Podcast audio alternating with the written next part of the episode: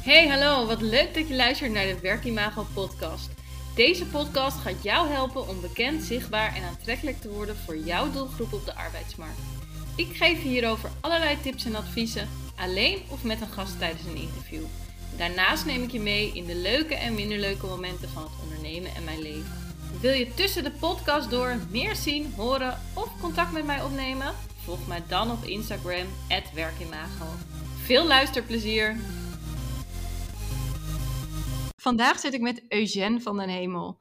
En op zijn LinkedIn-profiel heeft hij wel een hele mooie benaming. Ik lees het even voor. I help organizations find people to do extraordinary things. Hij is een rainmaker, sunbringer, moonshot thinker en storyteller. Nou, ik ben wel heel benieuwd, uh, Eugène. Wat zijn dat dan voor extraordinary things? Nou, dag Kim. Uh, leuk hier te zijn. En buitengewone dingen doen is... Ik word blij wanneer ik een werkgever opeens zie glimlachen, een arbeidsovereenkomst mede ondertekenen met een kandidaat en dan mij een knipoog geeft en zegt, joh, Eugène, dit was een reis, die had ik van tevoren nooit verwacht. En dat maak ik bijna dagelijks mee. Dat zijn voor mij uitzonderlijke zaken. Maar er zijn ook uitzonderlijke zaken voor de mensen die ik aan een baan help en voor werkgevers die ik weer aan nieuwe menskracht help. Ja, want dat is wat jij dagelijks doet. Hè? Dus uh, ik, ik kreeg laatst de term te horen onaangetapt uh, potentieel. Dat, uh, die help jij naar, naar bedrijf te brengen eigenlijk. De, de brug te slaan misschien wel. Volgens mij is dit een term van Bas van der Hater geweest. ja, volgens mij heeft Bas ook mijn naam genoemd. Dankjewel Bas. Ja. En dat is inderdaad wat ik doe. Ehm, inmiddels bijna twaalf jaar twaalf jaar geleden stopte ik van de een op de andere dag met mijn toenmalige job in de commerciële wereld van de wervingsselectie, um, waarbij ik het gevoel had vooral te praten over de kleur van de leaseauto, kwantiteit en de kwaliteit van de incentives en niet meer bezig was met het maken van matches rondom werk, rondom loopbaan. Ik was dat zat. Ik wilde gaan werken met mensen die op het oog een achterstand op die arbeidsmarkt hadden en uh, ben het voor mezelf gaan doen. En zo ontmoette ik nou, voormalige prostituees, ex-gedetineerden, uh, mensen met een autistische uh, beperking. Allemaal mensen die ook dromen hadden, ook aspiraties, ook talent, die willen gaan werken. Zes, ja, jaar alweer werd ik gebeld en um, kreeg de vraag van, joh, Eugène, je bent iets anders dan een doorsnee recruiter op de arbeidsmarkt. Je werkt met complexe doelgroepen. We hebben nu een groep mensen binnen. Ze komen uit Syrië, uit Afghanistan, uh, Irak. Ze krijgen een uitkering, dus ze moeten gaan werken. Zo hebben we dat hier in Nederland geregeld. We hebben echt geen flauw idee hoe. Zou jij eens met ons willen meedenken? Ik zei ja. En dat heeft uh, ook op mij en op wat ik allemaal nu doe een behoorlijke impact gehad. Maar ik kan me ook wel voorstellen dat, dat enerzijds er erg behoefte hè, vanuit uh, werkgevers uh, om ook andere doelgroepen aan te spreken. Maar ik denk dat er ook een grote groep bedrijven is die daar echt geen flauw idee van heeft. Of dat misschien nog heel spannend vinden. Hoe, hoe pak jij dat zo aan, dagdagelijks? Ja, gek is dat, hè? En daar verwonder ik me ook nog iedere dag over. Misschien het, het uh, wat is ook weer dat gezegde van uh, het onbekende is het... Ja, wat een boer niet kent, weet hij ja. En toch loop ik over straat, stort ik in elkaar met een hartstilstand dan er knielt iemand naast mij. Dan ga ik niet zeggen van, joh, wacht eventjes. Uh, ben jij homo, lesbienne? Uh, ben jij misschien gedetineerd? Of ben je misschien vluchteling? Dan hoop ik vooral dat die persoon ervaring, verstand heeft. In ieder geval een hele goede poging te doen om mij te reanimeren. We zijn zo bezig met praten over diversiteit, praten over inclusie, al meer dan decennia. Terwijl, laten we het gewoon eens gaan doen. En laten we gewoon eens kijken van, joh, welke mens zit daar tegenover mij? En niet van welk label gaat dat mens tegenover mij. En, maar hoe pak je dat dan bij bedrijven aan, die, om dat, nou ja, eigenlijk precies wat je zegt, weg te nemen? Vooral het laten zien. Ja. Uh, show, don't tell. En dat begint uiteraard met de kans krijgen. Nou ja, uh, zo'n kans moet je ook creëren. Dus als een luis in de pels uh, benader ik ze en nodig ik mezelf uit voor een kop koffie, kop thee. En eindelijk de vraag, of nog iemand mag meenemen op het eerste gesprek. En uiteraard weet ik waar bij hun de acute behoefte ligt rondom mensen. En dan neem ik alvast één of twee mensen mee. En die introduceer ik en drink van bakkie. En Die neem je dus ook live mee? Die neem ik live mee. Gewoon achter in de auto. We hebben een grote auto, we hebben vier kinderen. Er kunnen veel kandidaten in. En dan is het een kleine meet and greet. Waar we het niet hebben over een cv, niet hebben over een vacature. Gewoon eventjes van mens tot mens.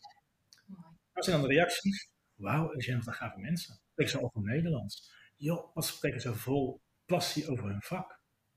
En dan hoef ik niks meer te doen. Kan ik achterover gaan zitten, hun lekker laten praten. En de dag daarna eens eventjes evalueren. En de vraag stellen, is deze kennismaking voldoende voor een tweede gesprek? Om dan eens te gaan kijken, wat kan hij, zij voor jouw organisatie betekenen? En is dat voldoende voor arbeidsovereenkomst? Ja, al dan nee. En uh, je neemt, neem, neem, ik aan, altijd wel al mensen mee die potentieel interessant zijn. Uh, Tuurlijk. Uh, die inderdaad al een stukje, misschien ook die ervaring in hun eigen land bijvoorbeeld hebben gedaan als het om statushouders ging. Maar dat is natuurlijk ja. grappige, zeker in deze markt, waar de kranten vol staan over het tekort. ja, dan is het ook verrassend en extraordinary dat je aan tafel gaat zitten met mensen die best wel eens fit zouden kunnen zijn. Een vacature die binnen die organisatie open staat. Als ze dan ook nog leuk blijken te zijn. Plus ze hebben niet de vooringenomenheid. Ja, laten we eens eventjes tien redenen bedenken op basis van het cv. Waarom we ze niet aannemen. Ja. Maar wordt gewoon blanker ingestort. Dan ontstaat er soms iets buitengewoons. Ja. En mensen noemen dat dan iets magisch. Dat valt eigenlijk best wel mee. Gewoon een ontmoeting. Eigenlijk is het heel normaal, maar inderdaad, misschien omdat mensen het ook niet verwachten, is het dan die verrassing, om het zo even te zeggen. Ja. En denk je dat, um, hè, nu de arbeidsmarkt steeds krapper en krapper wordt, denk je dat het ook makkelijker wordt voor jou om, um, je noemde het een mooi, uh, buitengewone doelgroepen dan ook uh, te, te, bemiddelen bij werkgevers of bij bedrijven? Of blijft daar nog steeds een beetje toch dat taboe op bij je? Het zal wel een stukje makkelijker worden. Uh, tegelijkertijd, ik ben heel erg positief ingesteld. Dan zie ik ook een stukje uh, realisme en pessimisme. Dat we in een best complex systeem zitten. Een systeem waarin moeilijke doelgroepen ook vaak gekoppeld worden aan subsidieregelingen uh, aan trajecten vanuit gemeentes, de overheid, waarbij de intenties allemaal heel erg goed zijn, maar opeens de focus niet meer gaat om de mens en zijn haar kwaliteiten, ja. maar veel meer om geld, subsidies, een cv, past iemand in een traject, uh, de streepjes zetten, de vinkjes zetten. Dat is wel heel erg hardnekkig in ja. ons land. Nou ja, en ik heb toevallig zelf als recruiter ook ervaring uh, als het gaat om kennismigranten. Nou, om iemand daar uh, voor aan te nemen met die status. Nou, dan inderdaad, als je het hebt over vinkjes, streepjes, procedures en, en geld, uh, dan ben je ook inderdaad heel wat tijd en energie verder. Het is wel, we komen nu uit anderhalf jaar COVID-situatie voor COVID was ik aan het leuren met een groepje van twaalf uh, vrouwen in dit geval, met allemaal verpleegkundige achtergrond. We kregen nergens een kans, niet eens onbetaald, niet eens om een stage te lopen. Het was drie maanden, waren we in de lockdown. En werd de cijfers roder en roder en roder. En ik werd geweld van, joh, Eugène, heb je niet meer van dit soort dames uit Syrië, Iran, die gewoon zo kunnen invliegen in ondersteunend werk. Dus ja, het helpt wel. En wat ik mooi vind, ik geloof, er staat overal over het tekort aan mensen. Ja. En ik denk dat het tekort eerlijk gezegd best wel meevalt. En mensen kunnen we al overal vinden. Nou, hoe ga je ze binnen? En op het moment dat je spreekt met mensen uit andere doelgroepen, uit andere culturen, ligt daar ook een grote uitdaging. Ja. Hoe ga je ze vervolgens ook weer onboren, binnenhalen, ja. laten starten maar ook in hun start bezighouden. En dat vind ik in mijn, nou, uh, noem het vak, heel erg mooi om te zien. Een van mijn eerste bemiddelingen was een man uit Syrië. Had daar tandtechniek gestudeerd, gewerkt als tandtechnicus. Dus kwam hier in Nederland, had ook zijn vrouw en vijf dochtertjes meegenomen. Zat al ruim twee, drie jaar in uh, de uitkering. Ja. Dus de gemeente riep, jij moet aan de slag, passend werk, uh, productiewerk is ook goed. Terwijl deze man die had nog een droom en ambities. Hij zei, ik wil een vak. Ik ontmoette hem, ik sprak met hem. En ik zei, nou, ik ga eens kijken in mijn netwerk. Want daar ken ik een tandtechnisch bedrijf dat op zoek is naar mensen. Ze zitten alleen in Amsterdam. Hij woonde ook in de omgeving van Delft. Uh, maar goed, stonden ervoor open, want de mensen waren schaars. Hij mocht gaan starten. En ze boden gelijk een fulltime contract aan. Want, zo dachten zij, dan is hij geholpen. Gelijk die uitkering uit, pas. Ik ben ervoor gaan liggen. Want ik zeg, ja, realiseer je goed. Zijn vrouw draagt een niqab. De afgelopen drie jaar heeft hij de kinderen naar school gebracht. Hij deed de boodschappen. Hij ging naar buiten. Zij bleef binnen. Kwam niet buiten. Zij kan niet fietsen. Ze kan helemaal niets. Op het moment dat we hem nu weghalen uit het gezin, hoe lang gok je dat zij het redt voordat ze omvalt? Als hij omvalt, wat gebeurt er dan met de kinderen? Hoe fijn zit hij in zijn vel in Amsterdam op het werk? Gaat het daar ook verkeerd? Dan staat er straks weer mooi in een van de landelijke kranten dat met die staatshouders helemaal niets wordt. Ik stelde voor, laat hem eerst gaan we wel lekker fulltime betalen. Want je wilt hem binnenhalen als hij niet meer afhankelijk is van die uitkering. Ga hem eerst 12 uur laten werken. Zodat hij nog iedere dag de kinderen naar school kan brengen. Zijn vrouw mee kan nemen. Stapje voor stapje voor stapje. Ja, want dat is ook wel mooi wat jij net zegt. Hè? Uh, vanuit de werkgever denk je dus heel erg, ik help deze meneer. Meteen fulltime, uh, hè, mooi contract, dat soort dingen. Gemeente stond te juichen, want ja, hey, weg, uitkering, uitgestroomd, zoals ze dat dan noemen. Ja, maar ook hoe ver de doelgroep dan nog is van het uh, je kunnen inbeelden dat dat niet per se geholpen is meteen. Hè? Dat daar nog een opbouw in moet. Of, uh, dus dat is wel goed. Uh, dat is logisch. Hè? Dat je als, als je het vertelt is het logisch. Maar je denkt er niet, denk ik, als werkgever over. Je denkt er niet aan. Maar ik hoor wel heel veel werkgevers wanneer ik ze voor het eerst spreek vragen stellen. Onzeker zijn. Dan zeg ik ook van, durf kwetsbaar te zijn. Vertel ook je eigen verhaal, je eigen drijf als werkgever tegen zo'n man, vrouw. Zijn professionals. Op het moment dat je iets niet weet, vraag, stel je vraag, uh, deel je onwetendheid. Ja, en dan zijn mensen denk ik ook bang om die onwetendheid, dat ze een blunder maken. Of, Tuurlijk. Uh, ja. ja. daar zijn natuurlijk ook boeken vol over geschreven, mooie TED-talks over ja, kwetsbaarheid. Uh, Byron Katie heet ze volgens mij miljoenen en haar uh, talk gezien. In plaats van kijken, het zeggen, durf het ook eens te zijn. Ga het gesprek aan van mens tot mens. Niet van werkgever, label tot vluchteling. Ook helemaal niet relevant om te vragen, waarom ben je gevlucht? Hoe lang heb je op het water gedobberd? Hoe eng was het? Nee, maar wel, hoe zie jij jouw toekomst? Hoe kunnen we jou helpen om hier te starten? Daar moeten wij rekening mee houden. Uh, open vragen. En, en uh, help jij werkgevers daar ook mee met dat stukje? Uiteraard. Ja. Dat vind ik het mooiste dat er is. Dan ga je daadwerkelijk ankeren. Dan ga je daadwerkelijk werken aan duurzame oplossingen en een win-win-win. Of, wat ik het veel liever zeg, smile, smile, smile. Ja.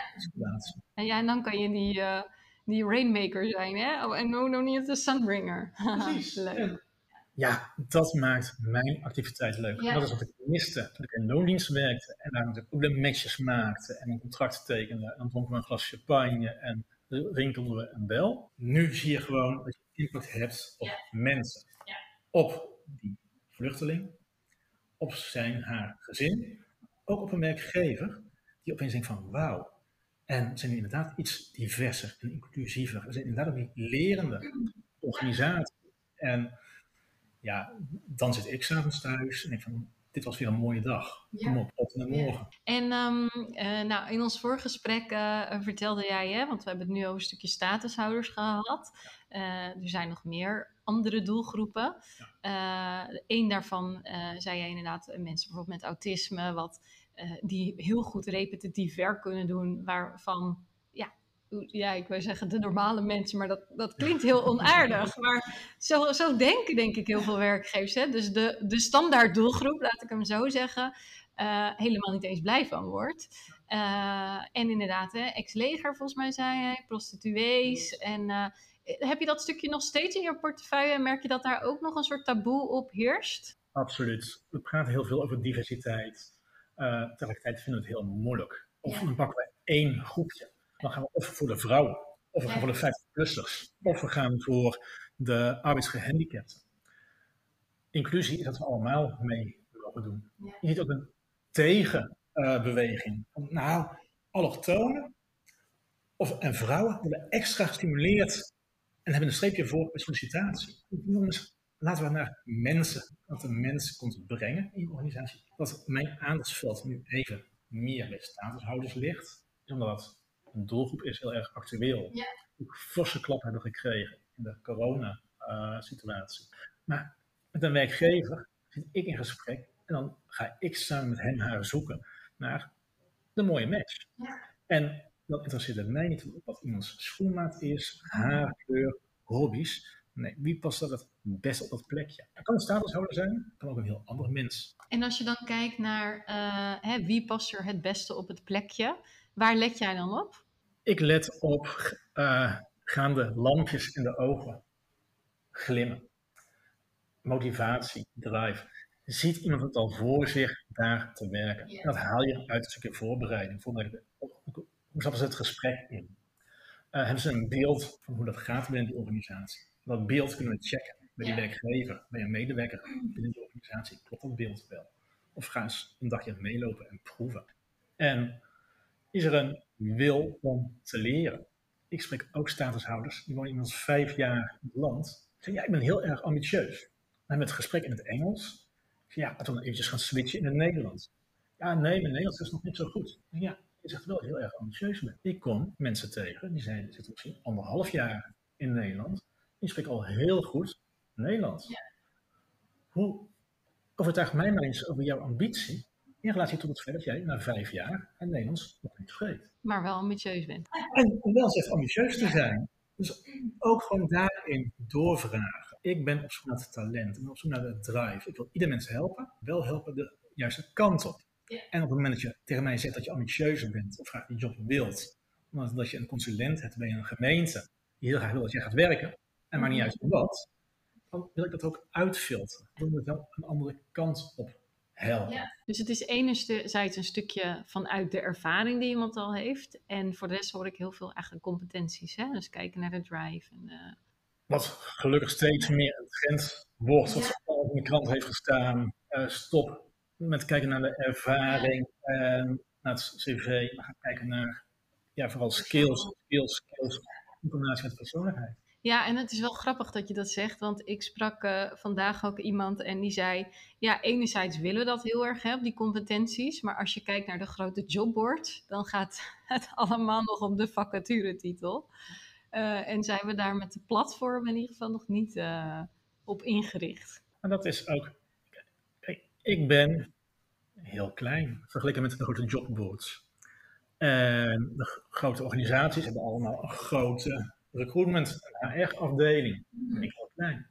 En heel vaak krijg ik toch van, ja, hoe is het mogelijk dat jij deze toffe kandidaten vindt voor functies die best zeldzaam zijn op de markt.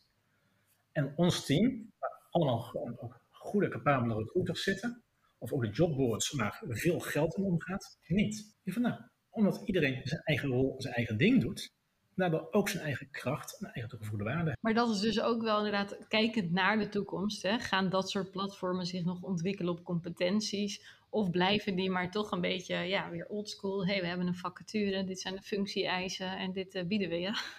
Ja. en uh, ja, solliciteer. Een mooie discussie zijn dat. Ja, ja, Hoe zie jij dat? Ik denk dat de rol van de bemiddelaar noem het een recruiter, een sourcer, uh, die wordt alleen maar belangrijk. Het takenpakket is om, omdat het vinden kan straks de computer veel beter dan wij mensen. Maar het boeien, het binden, het verleiden, uh, het uitnodigen om samen te gaan dansen, dat is echt mensenwerk. En dat gaat heel veel vragen van recruiters. Maar gaat het vak recruitment ook wel enorm gaaf en mooi maken heeft natuurlijk wel andere competenties dan ook deze rol inderdaad. Uh, of dan de huidige rol van de recruiter. Ja. En um, ik hoor nu heel veel, hè, inderdaad, het verleiden van de mensen, um, uh, nou ja, het binnenhalen of het, het gesprek aangaan op de persoon. Maar als recruiter wijs je ook heel veel mensen af. Um, denk je dan dat de rol van de computer dat gaat overnemen? Want die kan niet in de competenties kijken. Hoe, uh, hoe zie jij die rol? Wanneer een organisatie slim is en ik ben ervan overtuigd dat de meeste organisaties slim zijn, of in ieder geval slim willen zijn, dan laten ze dat ook juist bij de mens. Want het ja zeggen, wordt heel snel vergeten. Want ze krijgen de job, ze gaan dat vieren en een paar dagen later starten ze op hun eerste werkdag. Die nee, die blijft veel langer hangen. Dus die nee, daar kan je een verschil maken als organisatie. Als je dat op een mooie, waardevolle manier doet, dan heb je daar op de lange termijn heel veel winst. En ik denk dat dat eigenlijk hele mooie woorden zijn om, uh, om deze podcast af te sluiten. Of zelf, uh, heb je zelf nog een andere mooie quote die je wil meegeven aan de luisteraar? Nou ja, fijn voor de mensen die hebben geluisterd. Uh, ik hoop dat er een stukje is blijven hangen. Um, ga gewoon niet te veel blijven luisteren en niet te veel erover lezen. Ga gewoon zelf het doen. En geniet ook van die reis. Geniet van dat avontuur. Want dat gun ik iedereen. Dankjewel, Jen. Dankjewel, Kim.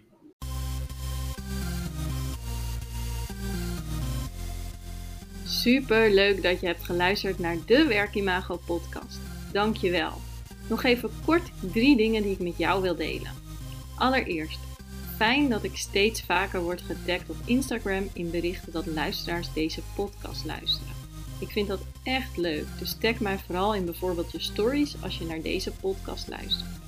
En volg je mij nog niet? Ga dan naar Instagram en zoek mij op via werkimago. Dan ontvang je regelmatig tips en tricks op gebied van employer branding, recruitment marketing en candidate experience. En als tweede, het is mijn missie om jou met deze podcast te inspireren. En omdat ik het super fijn vind dat je naar de podcast luistert, verloot ik regelmatig aan de luisteraars. Of een gratis coachcall, waarin ik jou persoonlijk ga helpen. Of mijn e-book Bekend, Zichtbaar en Aantrekkelijk voor jouw doelgroep op de arbeidsmarkt. Net wat jij het leukste cadeau vindt. Wil je hier kans op maken? Geef de Werkimago podcast dan een review via de podcast app waarmee je deze podcast luistert. Stuur daarna een printscreen naar kim.werkimago.nl of via een DM op Instagram. Ik vind het natuurlijk ook super leuk als je een bericht of DM stuurt, als je vragen hebt of bijvoorbeeld wil reageren op een podcast of wat dan ook. Laat het mij vooral weten. En als laatste, abonneer of subscribe je vooral op de Werkimago podcast. Dan ben jij een van de eerste die de nieuwste aflevering kan beluisteren. Heel graag tot de volgende keer.